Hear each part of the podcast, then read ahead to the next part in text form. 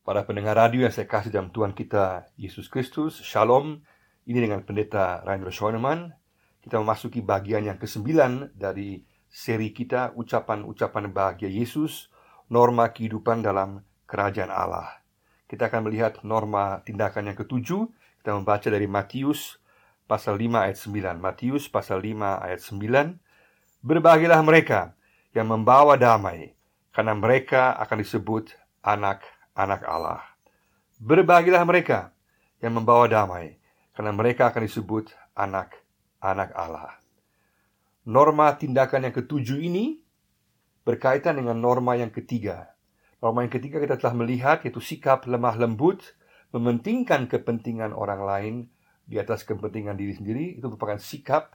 Sekarang kita melihat tindakannya. Tindakannya adalah kita mengupayakan damai dalam kehidupan sehari-hari. Maka norma yang ketujuh adalah mengupayakan damai dalam kehidupan sehari-hari. Orang yang lemah lembut, yang mementingkan kepentingan orang lain di atas kepentingan diri sendiri sesuai dengan ucapan bahagia yang ketiga, sekarang tindakannya adalah dalam norma yang ketujuh, mengupayakan damai dalam kehidupan sehari-hari.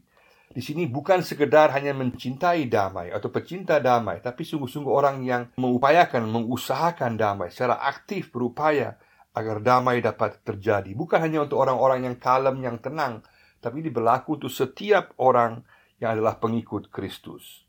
Supaya kita membawa damai ke tengah berbagai macam perselisihan yang ada. Kita tahu di tengah-tengah dunia kita banyak sekali perselisihan, banyak sekali permasalahan, gosip, caci maki, pemfitnahan, dan juga dalam keluarga antara suami istri, antara orang tua dengan anak, di tengah-tengah juga orang tua dengan tetangga, tapi juga dengan di tengah-tengah jemaat banyak sekali terjadi perselisihan yang tidak ada akhirnya dan malah bukan semakin membaik tapi malah semakin memburuk karena semakin saling menjelekan satu dengan yang lainnya bahkan sampai bertahun-tahun lamanya. Kita hidup dalam dunia yang jauh daripada damai dan ketentraman. Dan juga sikap damai itu jarang diambil oleh seseorang. Kenapa? Karena itu hal yang tidak biasa. Karena naluri manusia biasanya pada saat terjadi perselisihan malah semakin membesar-besarkan masalahnya. Malah semakin besar gosipnya, kritiknya. Malah menambah-nambah sehingga semakin panas dan malah semakin rumit situasinya.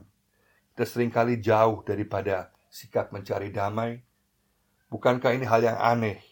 Kita sebagai pengikut Kristus yang mengakui mengasihi Kristus dan teman seiman kita, Yesus adalah contoh damai terbesar dalam Alkitab. Ia mendamaikan kita manusia dengan Allah melalui pengorbanannya, kematiannya di kayu salib. Kita membaca dalam surat Efesus pasal 2 ayat 11 sampai 22 bagaimana Yesus menebus dosa kita dan kemudian menyatukan kita, menjadikan kita anak Allah, mendamaikan kita dengan Allah. Dan itulah inti Injil, yaitu kabar baik keselamatan dan juga kabar baik damai. Damai dengan Allah dan juga damai dengan sesama kita. Inilah bukan sekedar perasaan, tapi suatu situasi, status yang baru. Bahwa sekarang kita didamaikan dengan Allah dan oleh karena itu kita membawa berita damai ini juga bahwa kita didamaikan dengan Allah, juga damai dengan sesama kita. Dalam perjanjian baru ada tiga aspek yang nyata tentang damai di sini. Aspek yang pertama adalah aspek bersifat vertikal itu damai dengan Allah, bahwa hubungan kita dengan Allah sekarang bukan lagi hubungan permusuhan. Kita sekarang telah didamaikan karena korban Kristus di kayu salib. Dalam Roma 5 ayat 1 kita membaca, Sebab itu kita yang dibenarkan karena iman kita hidup dalam damai sejahtera Allah oleh karena Tuhan kita, Yesus Kristus. Damai ini tidak tergoyahkan. Allah yang telah memberikan damai ini. Dia telah menawarkan damainya kepada kita, pada setiap orang yang percaya kepadanya, maka kita boleh tahu bahwa kita telah didamaikan oleh Allah. Kita bukan lagi musuh Allah, tapi kita adalah sahabat-sahabat Allah, anak-anak Allah. Yang kedua adalah aspek damai internal aspek damai internal yaitu dalam kehidupan pribadi kita. Banyak orang mencari kedamaian di luar dengan macam-macam harta, posisi, jabatan, dan juga berbagai kesenangan yang lain.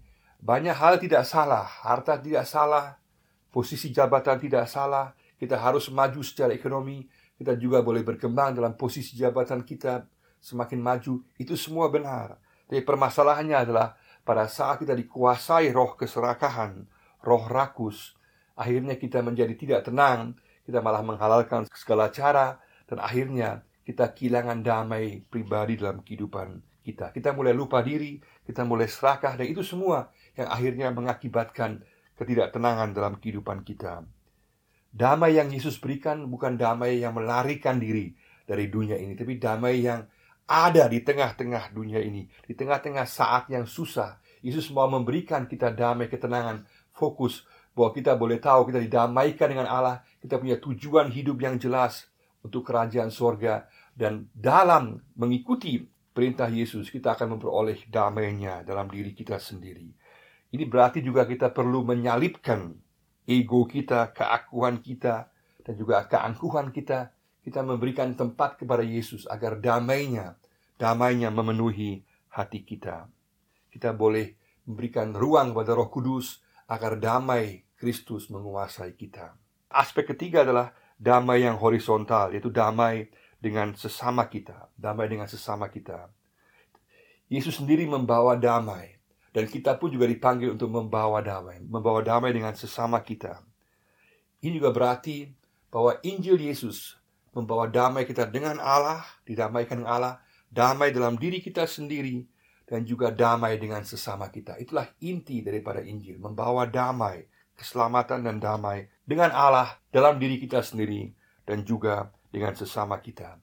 Juga Papua disebutkan tanah damai. Kenapa? Karena memang benar, damai Kristus itulah yang menyatukan suku-suku yang ada tanah Papua ini yang sebelumnya bermusuhan. Tapi damai ini juga harus terus diusahakan, diupayakan. Jangan kita hanya melihat masa lalu saja. Kita harus terus mengupayakan supaya damai ini bisa terus ada di tanah Papua tapi juga Indonesia secara keseluruhan. Dan jangan kita terjebak dengan pemikiran kesukuan, golongan, kelompok, bersungguh-sungguh mengupayakan damai. Karena iblis, bapa segala dusta dan pembohong yang terbesar, sesuai dengan Yohanes 8:44, dia akan berusaha untuk menghancurkan kedamaian. Dia akan berusaha untuk menaburkan benih-benih kebencian, perselisihan, kecurigaan, sehingga menghancurkan kedamaian satu dengan yang lainnya. Tapi kita semua dipanggil Yesus untuk masuk dalam proses pendamaian. Jadi orang-orang yang aktif membawa damai. Dalam 1 Yohanes 2 ayat dikatakan, Barang siapa berkata ia berada dalam terang, tapi ia membenci saudaranya, ia berada di dalam kegelapan sampai sekarang. Artinya tidak bisa kita mengatakan bahwa kita mengasihi Tuhan, tapi kita tidak mengasihi sesama kita. Maka damai dengan Allah, damai dalam diri kita, dan damai dengan sesama adalah satu paket yang saling berkaitan. Maka ini kita perlu perhatikan sama-sama agar kita mengupayakan damai ini dengan Allah dalam diri kita dan juga dengan orang lain. Dalam Roma 12 ayat 18 dikatakan sejauh mungkin kita dipanggil untuk mengupayakan damai. Kalau tergantung pada kita, kita dipanggil untuk mengupayakan damai. Artinya, usaha kita sejauh mungkin kalau tergantung terletak pada kita, kita mengupayakan damai dengan orang lain. Kadang-kadang ada orang yang tidak mau berdamai sama sekali, itu bukan urusan kita. Tapi upaya kita, usaha kita harus sungguh-sungguh untuk mengupayakan damai dan mencari jalan keluar untuk sebuah perselisihan dengan pola-pola yang kreatif, dengan cara-cara yang baik, sikap yang baik supaya penyelesaian masalah bisa terjadi. Sikap yang menentukan, yaitu sikap mengupayakan damai. Ini berarti bukan mendiamkan masalah, bukan berarti mengenyampingkan kebenaran, bukan. Tapi sungguh-sungguh sikap dengan cara yang tenang untuk mau mencari jalan keluar dan dengan punya kerinduan agar kedamaian bisa terjadi. Yakobus 1 ayat 19 mengingatkan kita agar kita cepat untuk mendengar, lambat untuk berkata-kata, dan juga lambat untuk marah. Dengan demikian kita bisa dengan sikap yang tepat, cara yang tepat mengupayakan damai. Juga dengan suatu usaha yang kreatif, dengan cara mencari solusi.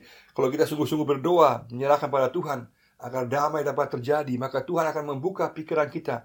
Akan ada hikmat dari Tuhan, agar ada cara-cara yang dapat kita lakukan untuk bisa mengupayakan damai. Asal ada kemauan Tuhan katakan kalau kita memintanya, Tuhan akan memberikannya. Matius 7 ayat 7. Hanya sering kali kita tidak mau damai. Kita lebih suka untuk meneruskan perselisihan yang ada aneh sekali. Tapi kalau kita sungguh-sungguh mulai berdoa, Tuhan, penuhilah aku dengan damai-Mu.